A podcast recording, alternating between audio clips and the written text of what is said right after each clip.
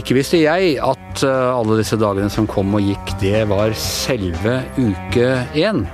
Eller strengt tatt så, så visste jeg det, det er jo den uka som er lettest å huske. Men for en nyhetsuke. eh, Og velkommen tilbake og godt nyttår, eh, Thomas. Godt nyttår, Anders. Veldig hyggelig å være her igjen, da. Ja, veldig lenge siden vi har prata sammen. Jeg har hatt en veldig deilig juleferie. Ja, ja, jeg også. Og så har jeg gått til hele juleferien og, og sagt sånn Nå er det 2020, nå legger vi det bak oss for et drittår og bla, bla. Men vi er altså i uke én, og jeg har begynt å savne 2020 litt. Grann. Hva har skjedd med Du sitter jo her med en sånn blå stropp rundt nakken. Ja, jeg har eh, brukket kragebeinet. Nei. Det er kragebeinet. kragebeinet som er eh, gåent, og, og jeg falt på en, eh, en skibakke på, i Nordmarka. På langrenn. På ja, tur, turlangrenn. Ja. Uh, du, ja, snøen Du vet det har ikke blitt det har ikke vært ordentlig frost og sånn, så, så snøen bare former seg etter bakken. Det var en dump nederst nedenfor Blankvannsbråten, og der falt jeg. og det gjorde vondt, og, men jeg trodde kanskje at jeg bare var noen muskler og noe greier, og så måtte kreke meg til trikken, og så kom jeg på legevakta, og da konstaterte de kragebeinsbrudd på selveste nyttårsaften. Hvilken helt, Anders. Ja, Du, du, du rett og slett går videre inn. Du belaster ikke samfunnet med noe ambulanse, du rekvirerer ingenting. Ikke Nei. engang tar jeg du vurderte å drosje. snike på trikken, men eh, Men du tar, du tar, du tar T-banen, ja. heter det. ja. Eh, også, Det var jo jeg nødt til, for jeg hadde jo ikke noe Ja, ja, altså stå der og vente på drosje oppi, det orka jeg ikke. Nei. Og så tok du da banen, betalte, tok Ja. den helt ned da til Ja, jeg tok den til Majorstua, så gikk jeg hjem, og så skifta jeg, for jeg orka ikke å liksom klampe innpå Du ville ikke være svett på legevakten. Jeg orka ikke å gå i sånn full skimundur heller, så tok jeg faktisk trikken derfra også. eh, Hjemmefra og ned. For ja, jeg orka ikke å sette meg inn i drosjen. Alt dette med da dette kragebeinsbruddet. Og på samme overgangsbilletten. Men du, jeg må jo si det er, det er jo en slags eh, mønsterborger, da. Det man, man prøver å, å bruke de kollektive løsningene nå som vi er i sånn dugnadsmodus. Da. Og ikke legger du andre til last med å si sånn 'Å, jeg har så vondt i kragebeinet, gidder du kjøre meg til legevakta?' Nei da. Du bare går inn, bytter klær så ikke belemrer andre på øh, Med kroppslukt. med kroppslukt, og så går du inn Det må jeg si, Anders. Ja, nei, men altså, Jeg har ikke tenkt sånn på det, men jeg føler meg veldig Det er, øh, det er bra at du pumper meg litt opp nå, for egentlig så føler jeg det sånn litt, sånn litt stusslig. Altså. Men det betyr at øh, disse skiløpene ikke var forsvarlig preparert, da? Jeg tror faktisk at jeg var akkurat på samme stedet hvor, hvor Gerd Liv Valla falt i sin tid, og det gikk enda verre med henne. Jeg tror hun brakk ryggen, rett og slett. På, der. Er det sant? Ja, jeg vet ikke om det var sant, men det ble påstått da, på Facebook. Da jeg la det ut på Facebook. At det var samme sted? Mm. Men det betyr jo at her, her er ikke forsvarlig preparering. Altså hvis to personer av et sånt kaliber som deg og Gerd Liv Valla, to så viktige mennesker, Anders, Med bare 15 års mellomrom. eh, da må regjeringen ringe til eh, sin undersått Raymond. Og så må Raymond ringe til noen av sine undersåtter og si at eh, hør her, det er et område der oppe hvor det stadig, eller med 15 år som vi kommer, kommer eh, brudd, Det er en forbannelse som hviler over dette stedet. så som vi vinner over dumpa Så med ramler det, ramler det et sånn Oslo-eliteboblemenneske oppi der og slår seg. Ja, og det eh, må vi gjøre noe med. Og hvem skal vi snakke med da? Da er vi over på beredskap, er det ikke det? Da er vi over på Det var, det var en lang og krokete å komme fram til nettopp ukas gjest. Så derfor hjertelig velkommen eh, til deg, justis- og beredskapsminister Monica Mæland. Takk for det. Godt nyttår. Riktig godt nyttår. Er det et godt nyttår? Eh, Det har begynt veldig vanskelig. Jeg syns jeg må være ærlig og si det. Vi har en eh, pandemi eh, som er veldig, veldig krevende for veldig mange. Også for oss i Norge. Vi har hatt et forferdelig en rashendelse på Gjerdrum som er grusomt, og som har tatt ti menneskeliv. Eh, og så har vi nå siste opptøyene i New York, som virkelig Ja. Ja, for eksempel Washington, ja. Eh, som, som virkelig satte oss alle ut. Å ta bare helt kort om, om det siste. Det er tross alt ikke ditt En av de få eh, mørke tingene på begynnelsen av dette året som du ikke har noe ansvar for, men allikevel. Hvordan reagerer du som, som politiker, og, og, kanskje særlig da som justispolitiker, på, på å se eh, nasjonalforsamlingen bli stormet på den måten? Det er jo sånne bilder man forbinder med land som ikke er demokratier. Eh, men jeg må si, etter å ha grubla på dette gjennom dagen, så, så er egentlig to tanker. Det ene er at jeg hadde ikke trodd om Trump. Uansett hvor, hvor, hvor uh, mye sprøtt han har gjort og sagt, så hadde jeg ikke trodd at han faktisk oppfordret uh, til denne type demonstrasjon, oppvigleri, ja, kjeltringestreker som man måtte forstå at ville komme ut av den talen hans. Det andre, og det syns jeg egentlig er mye mer alvorlig, det er hvordan folk kunne komme seg inn i Kongressen. Vi snakker også om et land som har ufattelig mye politiressurser. Nasjonalgarde, eh, Secret Service Altså, de har jo enorme ressurser. Eh, og bare tanken på at man faktisk kan komme seg inn og gjøre denne type eh, det, det, det syns jeg er veldig rart. Det mener jeg noen må gå veldig grundig igjennom. Her har noen ikke gjort jobben sin, det er jo helt åpenbart. Men tenker du da at man også da må se på om det er uh, slags villet ikke gjøre jobben sin? Ja, det mener jeg. Ja. Hvorfor, når man vet at det kommer demonstrasjoner, for det har man jo, man sier jo mange som kan dette veldig mye bedre enn meg, sier jo at dette er en varslet situasjon. Det manglet jo ikke um, politimenn da, da Black Lives Matter demonstrerte i Washington? Mange har sammenlignet det, det kan man jo godt gjøre. Uh, men, uh, men, jeg mener helt uavhengig av hva som har skjedd tidligere, så vet man altså at her kommer det til å skje noe. Det kommer til å bli demonstrasjoner. Man vet at det skal foregå en avstemning i Kongressen. Eh, altså, det er helt utenkelig. Eh, jeg bare tenker sammenlignet med Norge, hvilket vi jo absolutt ikke skal gjøre. Men hvis man over gata er på Stortinget i en stortingsdebatt hvor det var varslet demonstrasjoner, ikke var forberedt, ikke hadde tenkt igjennom, ikke hadde vakter eh, med styrke nok til å stoppe, ja, det, det er for meg helt ubegripelig. Ok, du, vi skal tilbake til det du faktisk eh, har ansvar for. Man har jo, i hvert fall har jeg, eh, en tendens til å tenke på justisminister og Justisdepartementet på, på lov og orden og forbrytelsesstraff og, og politi og røver og, og sånne ting. Men, eh, men, du er altså justis- og beredskapsminister. Og de, når man har sett på sånne trusseloversikter mot Norge de, de siste årene, så har man hatt aller øverst pandemi. Så har det vært medisinmangel, tror jeg, og så er det naturkatastrofer. Og nå har vi alle tre de tre eh, på en gang, og du er den som har den eh, øverste politiske, administrative ansvaret for dette, er det ikke sånn? Jo, det er slik at eh, vi har noe som heter en samfunnssikkerhetsinstruks i regjering. Og det betyr at hvis noe skjer, så er det sektordepartementet Eh, en pandemi, typisk helse. En naturkatastrofe, typisk eh, Olje- og energidepartementet som har f.eks. ansvar for ras. Det er sektordepartementene som håndterer eh, situasjoner som oppstår. Justis kommer inn når det når det omfatter mer enn sektoren. Eh, pandemien ble håndtert av helse eh, fra januar i fjor, når den først oppsto, eh, og frem til 13. mars. Vi stengte ned Norge 12. mars. Da ble dette noe mye mer enn en pandemi. Da rammet dette nærmest alle, eh, og på alle sektorer. Og da skal justis eh, være lederdepartement i en sånn eh, krisesituasjon. Det betyr at vi skal koordinere.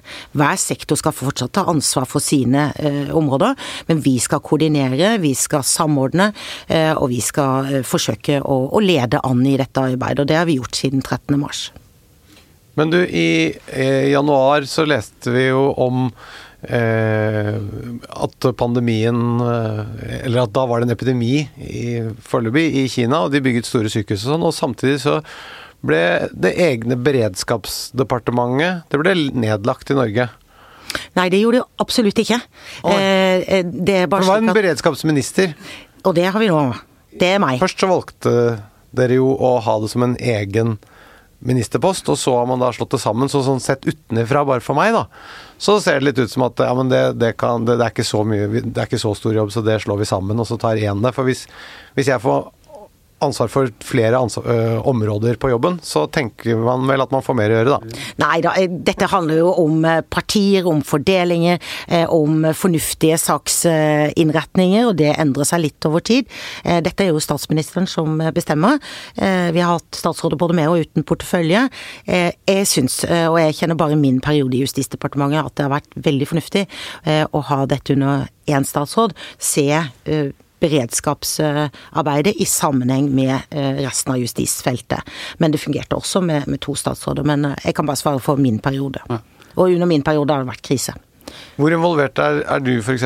da som justisminister i, i det som handler om vaksine, da? Er involvert i den forstand at vi har noe som heter regjeringens koronautvalg. og Der sitter de statsrådene som har et spesielt ansvar. Kunnskapsministeren fordi utdanning er veldig rammet av dette, helseministeren selvsagt. Jeg sitter der, og utenriksministeren fordi vi har innreiserestriksjoner etc. Så, og i regjeringens koronautvalg så får vi jevnlig oppdatering der deltar også eh, Helsedirektoratet og Folkehelseinstituttet, og vi blir jevnlig oppdatert både gjennom notater og, og redegjørelser på vaksinesituasjonen. Da, eh, da, dere skrudde til i, i, mars i fjor, så gjorde dere det ganske kraftig. Og det har vært en litt sånn eh, Mens eh, fagfolkene kanskje mente at man ikke trengte å, å gå så eh, kraftig ut, så, så gjorde dere det. Og vil du si nå, etter et år og med det vi vet, at, at man kanskje kunne ha skrudd enda kraftigere til i, i fjor? At, at, de faglige helserådene var for forsiktige? Etterpåklokskapen er jo alltid så utrolig mye sikrere enn det meste annet av det vi vet. Og er veldig glad for at vi har en koronakommisjon som skal evaluere jobben som blir gjort, og de vurderingene som blir gjort. Jeg følte, jeg følte ikke at vi kunne skrudd til mer enn det vi gjorde. Det følte jeg ikke. Fordi det er ikke øh, øh, Vi gjorde en vurdering basert på det vi visste der og da basert på det vi, vi forsto, og på en helhetlig vurdering. Hvor helse selvfølgelig var avgjørende, men hvor vi òg måtte gjøre en totalvurdering av eh, hvilke eh, belastning vi la på det norske folk. Eh, og det er en vanskelig vurdering. Det er kjempevanskelig. Eh, og vi husker alle de tomme gatene, eh, de, de, stengte vinduene, eh, de dystre, den dystre situasjonen vi var i. Dette var veldig vanskelig for veldig mange, og ikke minst for barn og sårbare grupper, som For mange så er jo hjemmet det tryggeste stedet vi har, for noen er det det mest utrygge stedet vi har. Og det å ta ansvar for å stinge folk inne i en utrygg situasjon, det, det er veldig stort ansvar. Så vi måtte se det opp mot det vi visste om det helsemessige. Og jeg tror ikke det ville vært riktig å stenge ned mer enn det vi gjorde. Jeg har òg noen ganger sagt at det var lettere å stenge ned enn å åpne opp. Eh, fordi vi hadde jo voldsomt press fra mange ulike aktører på å åpne opp. Jeg hadde til og med demonstrasjon utenfor en av pressekonferansene våre fra de som savnet kjæresten sin, eh, som ikke hadde sett kjæresten, som bor i utlandet på lenge. Mange som var ganske fortvilt, og som etter hvert på en måte eh, ikke syntes det var forholdsmessig det vi holdt på med. Fordi skal du ha folk med deg i en dugnad, så må man både forstå det, man må føle det riktig, man må, må synes at dette, dette, må vi gjøre. Og Derfor så, så, er det ganske sånn um, Det er en knivegg, det er hvor, hvor, man på en måte lander, og hvilke beslutninger man tar. Jeg mener at vi traff ganske riktig, det er min helt subjektive mening, basert da på, på det folk gjorde, hvordan folk oppførte seg, for, hvordan folk var med, eh, hvordan folk snakket til meg når jeg var ute og, i gaten eller i butikken. Eh, nå eh, får vi mye mer eh, egentlig kritikk eh, for eh, å gjøre for mye eller for lite, for seint eller for fort. Eh, så mm, ja, det, det, er lett å være etterpåklok, men det mm, Tror du det har ødelagt noe for dere, det som skjedde med NHO, at dere lot den eh, innreise disse, Den arbeids... Eh, som, som, kom for å jobbe, mens privatpersoner ikke fikk lov til å gjøre ting. Tror du det har vært med å ødelegge litt for strategien deres? Eh, ja, det tror jeg. Men jeg mener jo òg at den eh, saken er ganske eh, grundig misforstått. Og det er selvfølgelig fordi at jeg sitter i en situasjon hvor vi har behandlet mange saker. De første som begynte å få problemer som var på oss, og vi hadde fortløpende møte med alle næringsaktørene, med partene i arbeidslivet, både ansattes organisasjoner og arbeidsgiverne, det var landbruket. Landbruket var de første som hadde behov i vår for utenlandsk arbeidskraft. Det måtte vi løse. Eh, vi kunne ikke se på at eh, jordbruket vårt ikke fikk eh, hjelp, og det var ikke nok nordmenn til å utføre disse jobbene. Selv om vi til og med gjorde endringer i arbeids- eller dagpengene, slik at nordmenn som tok jobb i landbruket faktisk også kunne få dagpenger. Men det var ikke nok rekruttering til det. Så det var mange grupper vi Det fremstilte som om det var liksom industrien som, som rulet dette, og som, som puffet på for særbehandling. Eh, det var mange som gjorde det. Vi hadde uh, en situasjon knyttet til nordsjøarbeidere, hvor vi er avhengig særlig av det nordiske samarbeidet, hvor vi hadde karanteneregler. Vi hadde alle som jobber og daglig passerer grensen langs Sverige, i mange ulike bransjer. Så det var veldig mange som var opptatt av at akkurat sin gruppe måtte få spesialbehandling. Vi behandlet hver sak for seg, og når det gjelder industrien, så var det ikke sånn at man slapp karantene, men man eh, fikk eh, regler knyttet til å kunne gå på jobb innenfor gitte områder, og så i karantene. Og så ser vi sånn som Hyllestad-situasjonen, hvor man ikke har fulgt karantenereglene. Eh, det er ikke greit. Men jeg, men jeg, tror på ditt spørsmål, ja, jeg tror den, den fremstillingen saken har fått, eh, så tror jeg det har bidratt til at folk føler at, eh, at de har bidratt til en dugnad hvor ikke alle er blitt likebehandlet på et vis.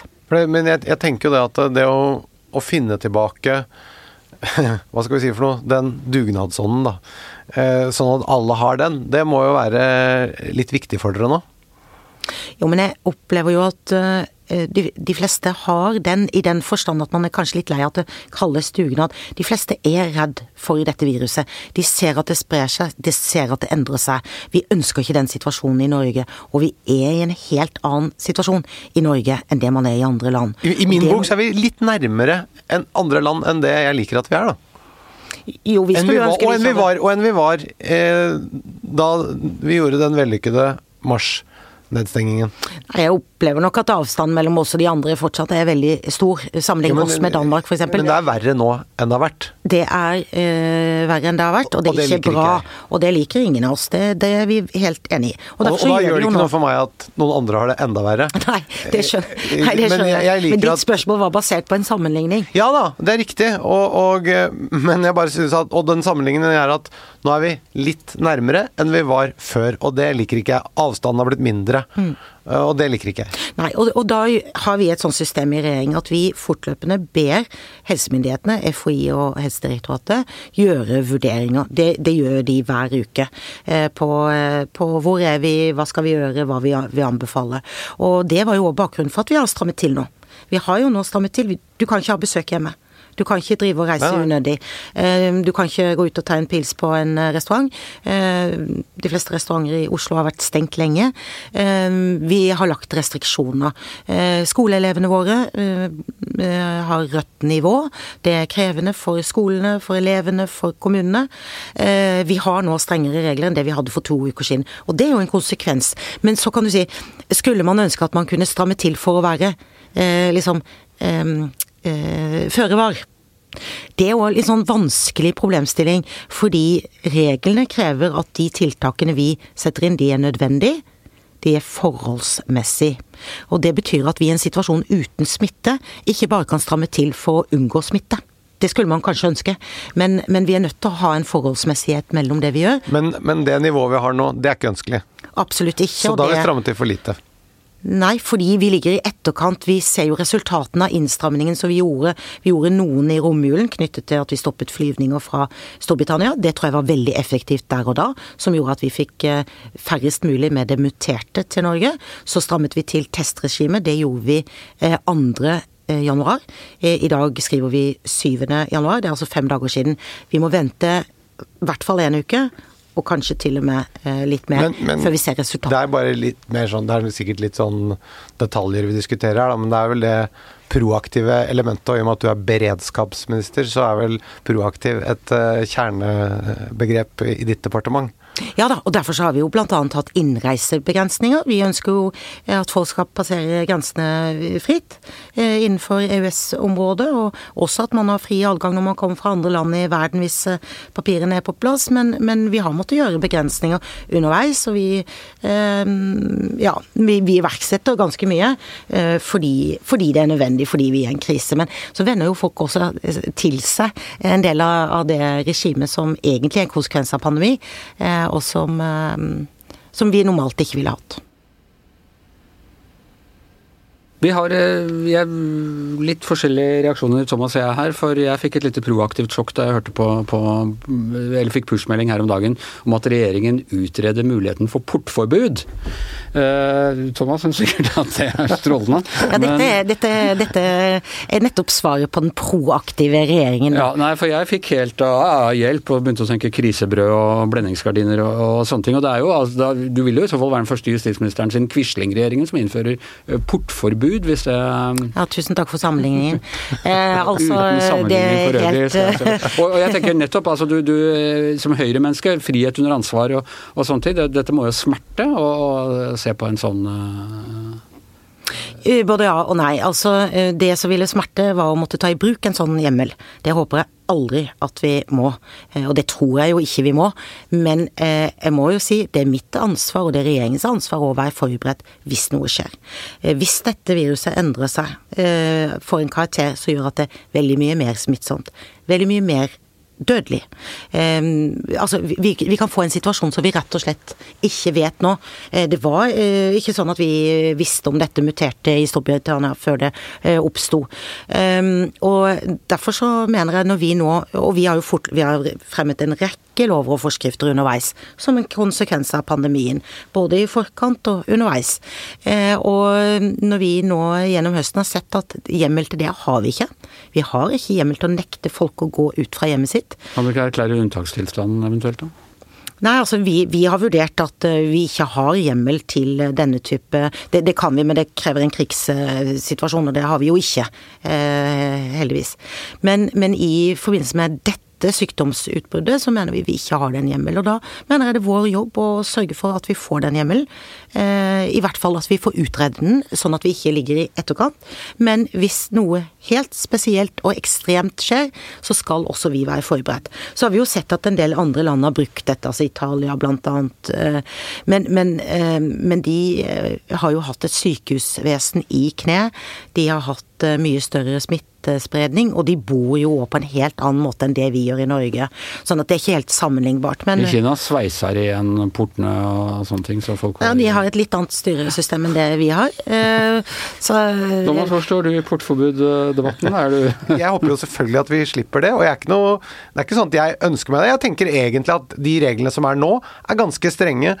Men jeg selv kjenner litt inni meg at jeg er ikke så følelsesmessig så hissig på å følge dem som jeg var før. Og da, det tenker jeg er et dårlig tegn, da.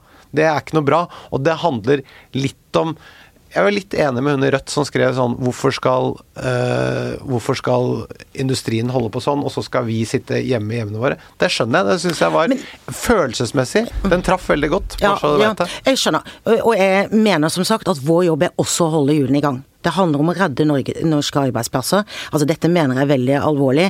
Eh, den debatten knyttet til at vi må holde hjulene i gang. Vi må eh, redde det vi kan av arbeidsplasser, og vi mente at vi gjorde det på en forsvarlig måte. Så, Hvorfor vi si ingen er uenig i det?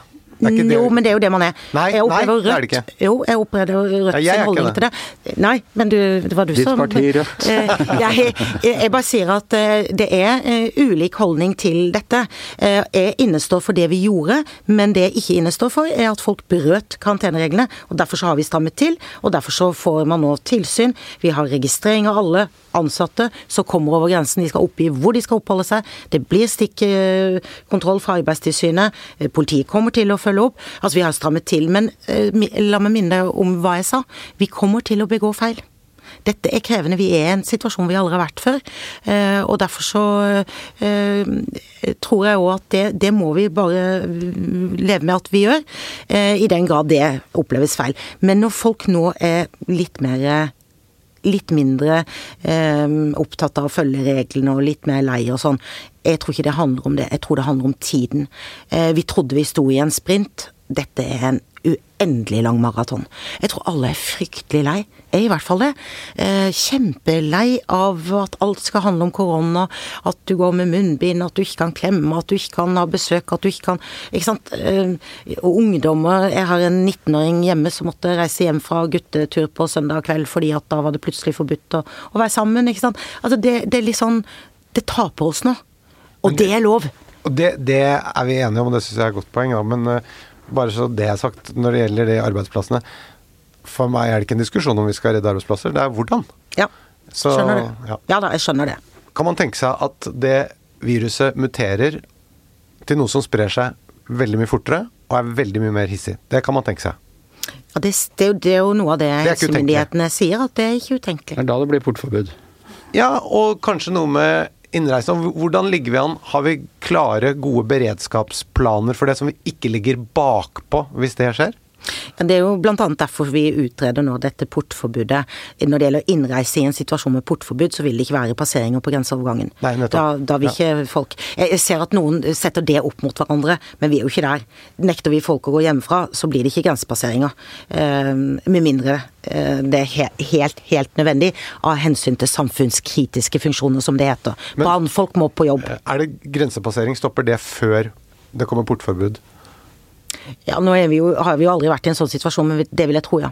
Noe av det første vi stoppet, var jo grensepasseringer. Men du mener at vi har, foreløpig har vi ikke hjemmel til portforbudet engang? For- Foreløpig har vi ikke hjemmel til portforbud. Eh, Vi har hjemmel til å stenge ned store deler av samfunnet. Det har vi jo har- gjort og i grense- stenge smittevernloven. Men sånn, portforbud handler om å nekte deg om å være utenfor ditt hjem. Ja. Eh, Det mener vi vi ikke har hjemmel til. portforbudet må nødvendigvis komme etter et, et reiseforbud? Sånn, eh, Ja, nå, nå, hvis vi har hjemmel til begge deler, så kan man gjøre men jeg mener det er helt naturlig, fordi det har vi jo allerede gjort. Vi har jo innreiserestriksjoner. Det står jo, vi har jo bemanning på grensen på en måte som vi eh, ikke har i normalsituasjoner. Vi har indre grensekontroll, som vi normalt sett ikke har. Vi, eh, vi pleier jo ikke å stå med politi på grensene våre, det har vi gjort nå hele veien, og det er forsterket nå. Eh, alle som kommer skal ha med seg en test. Eh, de skal ta en test, de skal registrere seg, eh, hvor de skal oppholde seg. Eh, dette er informasjon som vi deler med kommunene, sånn at de kan gjøre stikkprøvekontroll med Arbeidstilsynet, så de kan gjøre kontroller. Så vi har jo et innreisesystem som er ekstremt eh, mye mer rigid enn det det pleier å være. FHI var vel også ganske sånn Hva skal vi si for noe? De mente at det ikke hadde så mye å si om man eh, stengte grensene i starten, gjorde ikke de det? Det har vært litt ulike råd underveis på hvilke tiltak vi skal innføre og hvilke ikke. Eh, Vi har eh, hatt strenge innreiserestriksjoner.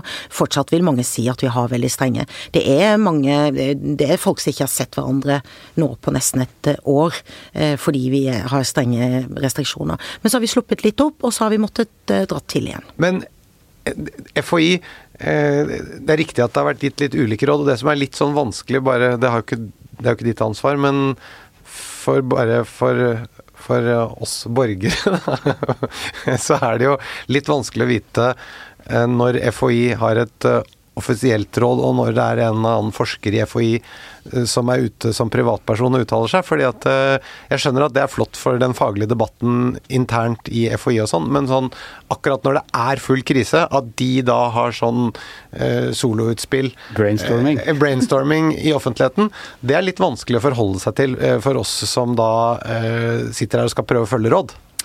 Det forstår jeg, og jeg syns vel generelt sett at det er mange som har meninger eh, eh, i denne situasjonen. Det ser vi i ulike innlegg i avisen og i TV og, og sånn. Det, det som eh, det, vi har forsøkt å gjøre, er jo å stille opp og være veldig tilgjengelig.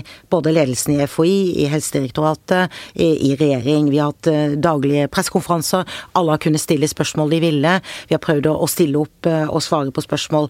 Og så er det selvfølgelig lov å tenke høyt, og vi har ytringsfrihet. Men, men det er klart at det er ledelsen i FHI som svarer for hva som er FHIs eh, anbefalinger.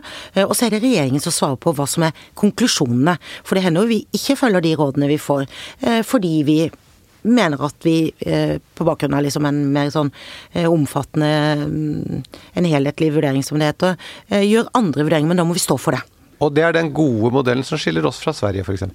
Vi har hatt en helt annen modell for det. Jeg har vært fascinert over hvordan man i Sverige har akseptert eh, at det er embetsverk, at det er fagfolk som hele tiden styrer denne eh, pandemien. At ikke regjeringen blir stilt til veggs, så å si. Du, eh, Vi må ha én lov og orden-ting på, på, tampen. Og det er at i 2013, da, da regjeringen tiltrådte, så lovet Fremskrittspartiets leder Siv Jensen at uh, mulla Krekar skulle være ute av landet så fort partiet kom til makten. Så jeg husker ikke, du var fem eller seks justisministre som var, var før deg? Jeg har kalt meg nummer åtte. Ja, du er nummer åtte. Sju før deg. Og mulla Krek, altså. Krekar satt gjennom alle, og så er du justisminister noen uker, og bort med den. Hva var trikset? Hva var det som skulle til? Uh, nei, jeg skulle jo gjerne tatt æren for det helt alene, selvfølgelig. Uh, det skal jeg ikke gjøre. Nei, det har vært en lang prosess, og det har vært en vanskelig prosess. Så uh, Krekar har benyttet sine rettsmidler sånn som han skal kunne gjøre, og på et tidspunkt så var det nok. Ja, Så det var bare flaks at, at, det skjedde på din vakt? Jeg vil jo ikke si det er flaks, det er jo selvfølgelig dyktighet kombinert med rett tid. Har du noe, har beredskapsplan for etterveksten dersom det skulle bli portforbud? Ja, Eh, jeg har skjønt at fila tøfler og ettervekst, det er noe som eh, virkelig går hjem hos det norske folk. Så jeg har tenkt å la håret gro, altså. Ja. Det... Og du mente ettervekst på håret, du, rett og slett? Ja, det var jeg, jeg tenkte. Jeg tenkte Vi snakket litt mer saklig her, jeg også. Nei, nei, jeg har fått bilder av folks ettervekst eh, og en... Hvis du googler justisministeren, så er ettervekst et av de aller første tingene som, som kommer opp. Og en god bekjent, hun sa at hun hadde spurt sin mor kan jeg gå sånn. Ja, kan Monica Mæland, så kan du. Du er ikke så ille som hun. Så når man snakker om etterveksten i Høyre, så er det det, og ja, ikke det er utelukkende hår. Ja, ja nei, det andre har de allerede en beredskapsplan for, men, men Du, eh, vi, vi, avslutter Vi avslutta alle sendingene i fjor med å spørre gjestene våre om de hadde kjøpt noe det siste um, uka for å putte penger inn i økonomien. Uh, og da regner vi annet enn uh, annet enn ettervekstmidler og husholdningsvarer. Og Hjemmebleking teller ikke? Hjemmebleking teller ikke. Det går under hygiene. Så det, så det sånn ut, ja? ja. nei, nei, nei. nei. Men det var, hvis det ble portforbud, så må du, da må du Da må du ha dopapir og, det, blekingsmidler og sånn. Men, men har, du, har, du, har, du, unnet deg et eller annet som bidrar til å putte penger i? Jeg liker jo veldig godt å shoppe når jeg har tid til det. Det er ikke så veldig ofte. Men eh, jeg har altså i dag tatt en telefon. Eh, jeg forsøker to ting. Én handler i sentrum, hender rundt på sentrum senter, fordi jeg er så glad i sentrum. Eh, to handler i butikk heller enn på nett. Jeg skjønner at det er gammeldags, men jeg, fordi jeg er så glad i å ha butikker. Så i dag har jeg ringt en butikk i Bergen eh, og spurt om den den tingen de har vist på nett at de har på salg, om de har den i butikken. Og så har jeg avtalt å komme inn der på lørdag. Ja, Og hvilken ting er det? Og det er en jakke. En jakke, ja. ja. Og den er sikkert sort. Er den sort, ja? Nei. ja, men du, du, du, du kler deg mye mørkeblått og sort. Uh. Veldig mye. Men det, det, er veldig kledelig. Det er litt sånn beroligende. Uh, jeg jeg, jeg syns man, man blir litt sånn trygg av det. Takk for det. Sjefen min pleier å si 'jaså, så du tar deg helt ut i dag når du møter i sort'. ja. ja, men det, det, det, skal du bare holde på. Det derre eh, fargetyranniet som mange driver med. Det, det, er sånn lett å la seg lokke utpå, og det, er ikke bra. Se på mange f.eks. menn som for, de tenker at de er for kjedelige, så de har plutselig kommet med røde eller blå briller og sånn. Ja, det er veldig rart. Ja, det skal man være. En ellers engstelig Thomas Giertsen blir beroliget ja. av justisministerens uh, Jeg har faktisk kjøpt meg jakke, jeg også. Har du det? I butikk? Mm. Kjøpt meg i en butikk i ja, Majorstua, går vel som sentrum det. Ja, ja. Eh, gammel herreekviperingsbutikk på Majorstua, på salg riktignok, men en Harris Tweed. Oi. Det har jeg ønska meg lenge. Så. Kan du utdype det? Harris Tweed? Ja, altså Harris er en av de store sånn eh, Tweed-produsentene i England. Ok. Uh, vet ikke om det er den originale, da får jeg hele Tweed-folket på nakken hvis jeg sier noe feil om det, men uh, Men det er altså en sånn tweed-jakke? Altså en, en tweed-jakke, sånn... klassisk sånn koksgrå med sorte fiskebands. Uh, ah, ja. mønster, og tweed, rett og slett. Yes, er det brune skinnknapper på, da, eller? Uh, ja, de er, ja, de er vel kanskje litt mørkere enn brune. Men det er sånn- skinnknapper som er flettet? Ja, ja, og så burde det jo egentlig vært sånne skinnlapper på, på Det kommer når du har slitt den ut, og det kommer du jo til å gjøre. Ja. Det høres ut som du har funnet virkelig lov. Ja. Men, ikke sant? Det er, det er det, men det er, det er den patinaen som Det er på en måte på samme måte som gamle penger. Ja. Det er en, en kulturell kapital som du bare du, du, Det må bare komme av seg Ja. selv. Jeg føler liksom som, som skrivende menneske så burde man egentlig ha Og på min alder burde jeg hatt øh, Jeg burde kjøpt den Harris-tweeden da jeg var 20 og så Ja, kommet til ut. det nå. Men Så hvis ikke koronaen tar deg, Anders, så blir det, så blir det lapper på armene. ja, det er, det er Satser på at Monica gjør jobben sin, og at de Ja, jeg skal gjøre alt jeg kan. ja, ikke ligger bakpå. er Men eh, proaktiv, at du tar med deg det som et eh, stikkord fra denne, Nå er snart Norge stengt, det kan jeg bare si deg. Hva med deg, Thomas? Hva skal du kjøpe før portforbudet? Nei, du, jeg har akkurat kjøpt Kjøpt meg en ny stillongs. Ny stillongs? Stillongs. Det følte jeg så jeg skulle i barnehagen. Nei, men jeg har kjøpt sånn Strømpebukse, som vi også kaller det. Det føltes som kan jeg, Hvor er tøflene mine? Nei, jeg, jeg, jeg har kjøpt meg uh, base layer. Eh, nytt eh, som jeg skal ha på langrenn. Ja, Ja. Så både da uh, ull... ull I butikk, i sentrum. I butikk! I sentrum! Veldig bra. Jeg liker bra. akkurat det som deg. Og faktisk så satte vi bilen i et parkeringshus, da. Eh, For det å kjøre bil i Oslo sentrum nå. Nei, det, det føles jo som å gå med sånn apartheid-button, eller noe sånt, at du er for det. Eh, Jeg føler at folk har lov til å spytte på meg. Men vi har da eh, kjørt på lovlig vis eh, ned på Ring 1 og parkert på, på Ibsen P-hus. Kjøpte du en vase med det samme? Nei. Og så, som jeg sa, nå skulle vi egentlig altså vært her med votter og hjelm og piggdekk på sykkelen. Det var egentlig det som Det er det eh, byrådet vil, men vi valgte da denne andre løsningen. Ja, Og kjøpte, kjøpte da sånn eh, høyhalsull og, og, og stillongs. Ja, har du det sånn som jeg, altså når jeg kjøpte den Harry-tweeden, hadde jeg veldig lyst til å ha på meg den nå, men så tenkte jeg det blir litt varmt å sitte i studio, for det er ganske varme sånne tweed. Hadde du lyst Man må til jo lære seg lite med skjønnheten. Ja. Altså, det, dette, dette kan kvinner. Ja. Man går ikke med høyhælte sko fordi det er behagelig.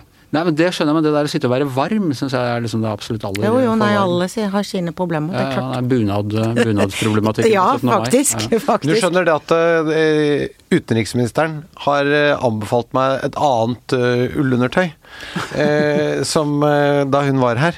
Eh, så, så det, men det er til hverdags, så dette er til ski, det jeg har Ah, eh, kjøpt. Gå inne på ski. Har du Nei, hun Nei. har det hverdagsullundertøyet. Ja, jeg- eh, som hun, eh, det som er for salongene. Og så har jeg det som er for marka, har jeg kjøpt i dag. Har du stillongs på deg? Har du hverdagsundertøy på deg nå? Det var ikke sånn at jeg var inne i butikken og så sa sånn som menn når de kjøper sko, bare ta det gamle i en pose, og så går du ut med det nye. At jeg gikk ut av butikken med stillongs og boblejakke. Skiftet der og da. Ja. Ja, syn for er Nei, Jeg er sånn, jeg kan nesten ikke vente når jeg har kjøpt noe nytt. Så da er det Nei, jeg gleder meg til å bruke det, men det blir ikke før til helgen, da. Men da får du skru av varmen når du kommer hjem, da. Ja. Og så bare noe- gå rundt i ny Noe hytteforbud, det blir ikke.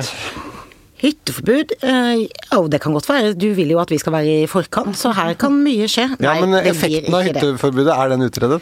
Eh, ja, det, altså det, for å være helt ærlig, vi visste jo at de små kommunene der ville ikke kunne håndtere, helsevesenet deres ville ikke kunne håndtere dette. Så det var gode grunner for å gjøre det. Men eh, nå mener vi ikke det er noe grunnlag for å gjøre det. Så du Men jeg tenkte med en gang når det var snakk om portforbud, tenkte jeg jeg savner hytteforbudet da det var det mest autoritære regjeringen kunne gjøre mot oss, liksom. Mars, mars 2020, det var tider. Nei, nå skal, jeg, nå skal jeg på hytta og bruke stillongsen og ikke omgås andre mennesker. Vel, veldig fornuftig å handle på lokalbutikken med munnbind. Ja, og det gjør jeg. Eh, Jeg kjøper også en del ting eh, i den kommunen Ja. jeg er på ferie i. Ja, Ja. det gjør jeg. òg. Julepresanger kan man kjøpe på lokalbutikken. Ja, så, det, så vi, vi på en måte strør penga litt rundt. Vi driver ikke med bare ett sted. Du er en mønsterborger, eh, Thomas Gjertsen. Eh, med det så er Gjever og Gjertsen over for denne gang. Tusen takk til eh, Monica Mæland, som har mye annet å holde på med eh, i, i disse tider. Tusen takk til eh, Thomas Gjertsen. Jeg heter Anders Gjever, og mannen som sørger for at vi er i full beredskap hver eneste uke, heter Magne Antonsen og er produsent. Vi høres igjen til uka.